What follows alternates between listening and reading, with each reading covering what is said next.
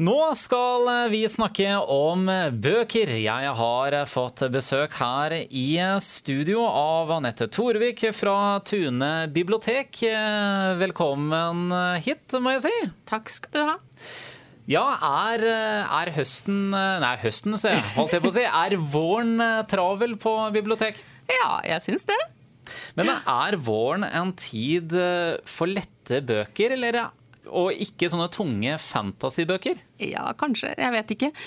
Jeg har jo tatt med meg litt av forskjellig i dag, da, så kan ja, vi ja, ja, i, dag, så, I dag så har du tatt med både pose og sekk, for å si det sånn, med bøker. Jeg klarer jo ikke å begrense meg, vet du. Det er noe med det. Så du blir litt sånn overraska hver gang hvor mye jeg tar med. Ja, hvor mange bøker tar hun med i dag? Ja, ikke sant? ikke sant? Og biblioteket er jo ikke bare et bibliotek der man låner bøker. Nei, Nei altså biblioteket er jo så mye annet. Det, det er jo det at du kan jo Det er jo et sted å komme, da. Som du ingen stiller krav til deg hva du gjør. Du kan sitte her hele dagen og ingen spør hva, det, hva driver du egentlig med her. Ja. Så du kan jo sitte og titte litt og bare ta deg en kopp kaffe og bare slappe av litt, kanskje. Vi skal snakke litt om bøker, og du har jo med noen bøker i dag. Er det litt sånn lettleste bøker? Ja, litt, litt, litt forskjellig, da. Jeg har jo da tenkt, forrige, Når vi snakka sammen sist, i forrige uke, så var det jo veldig veldig, veldig fint vær. Ja. Så da tenkte jeg å ja, hagebøker og bøker å sitte ute i solveggen og sånn, og så ble det jo kjempe ble det Så ble det plutselig ikke sånn. Ja. Men jeg har med litt hagebøker, da. Eh, så da tenkte jeg at jeg kunne snakke litt om det. Ja. For det er jo på tide å begynne ut i hagen allikevel, selv om ja, det blir jo fint vær nå. Du sa jo det nå, at det skulle bli litt fint vær utover uka. Det ja. har jo vært noen dager med regn, og, men nå kommer jo vårsola tilbake. Og det er jo sikkert mange der ute, som du sier, at uh, man skal begynne å stelle litt i hagen. Uh, og da har dere noen, uh, noen bøker Vi har jo masse bøker om det òg. Altså vi, vi kjøper jo nye hagebøker nesten. Det kommer alltid noen nye hvert år, så det kjøper vi nesten hvert år. For det er mye fristende og spennende bare det å sitte og bla i og få inspirasjon. Og nå har det kommet en ny bok som heter 'Livsnyterhagen', som er av en mann som heter Anders Røyneberg. Og han har en Instagram-konto som er veldig populær, og den heter Arctic Gardener. Eh, og han har skrevet en bok om, om eh, altså det der å lage sin egen grønne oase. Ja. Og, og den, jeg syns boka er så fin, for den er så oversiktlig. Og Du får liksom veldig godt greie på hva du skal gjøre, og hva som er lurt. Og sånn, samtidig som det er kjempefine og inspirerende bilder å titte på. Mye grønne planter? Mye, ja, det er alt mulig forskjellig. Ja, ja. Også ting som man kan spise. Så det kommer jeg jo til neste bok. Da. Der er det enda mer om spising. Ja, der kan man også spi ja. spise det? Ja, for at ja. 'Spiselig hage' er det en bok som heter eh, Eller vil si det er to, for det her er bok nummer to. Av en som heter Dennis Asbjørnsen.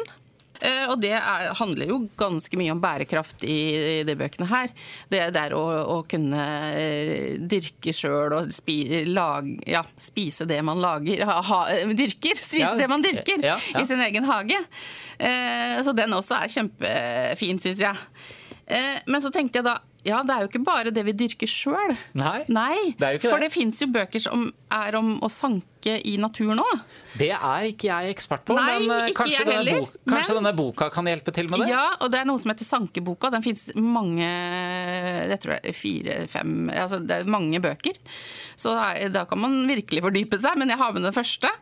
Og den, heter da, altså, den er av en som heter Jørgen Ravneberg, og han, den heter Sankeboka og velsmakende ville vekster.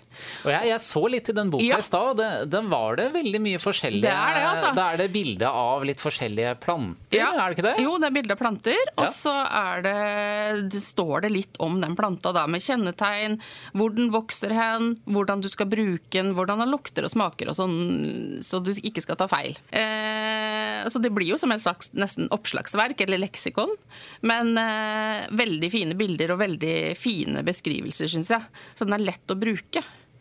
Men den er jo ganske stor å ta med seg ut i skogen, kanskje. Så det ja. fins jo noen sånne små, små også som heter ville vekster, f.eks.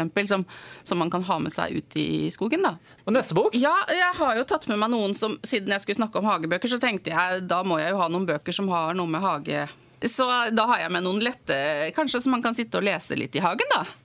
Eh, den første jeg tok med, var jo den, en ganske selvfølgelig bok, tenker jeg, når jeg tenker på hage, er jo 'Den hemmelige hagen' av Frances Burnett, for det er jo en barneklassiker.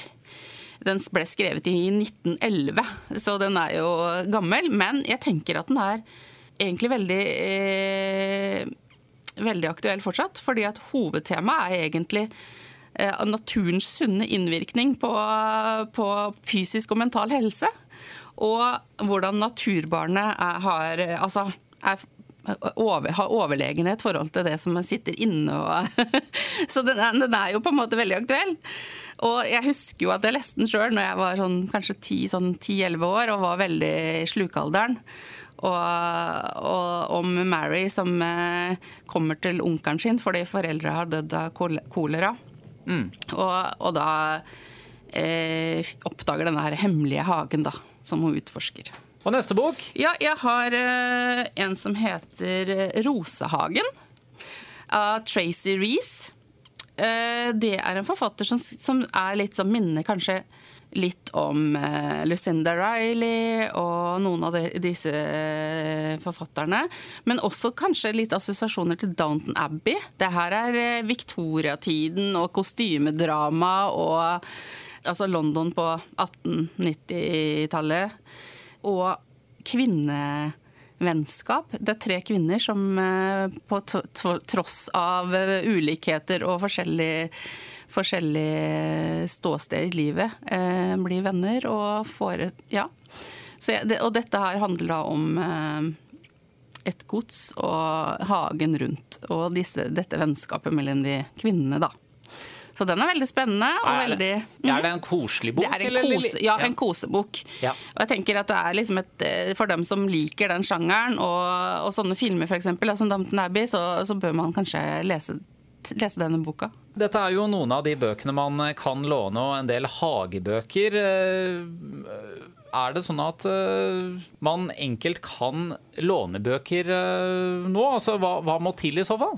Ja, nei, det, man, trenger, man, trenger, jo egentlig bare å ta med seg legitimasjon på biblioteket.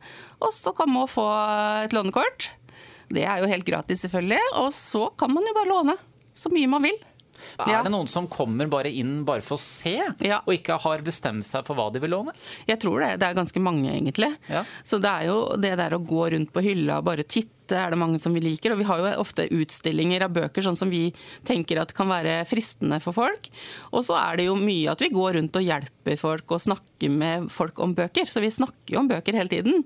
Og, og forteller dem om ting som eh, de kanskje ikke har oppdaga, men som vi vet om som eh, kan være fristende.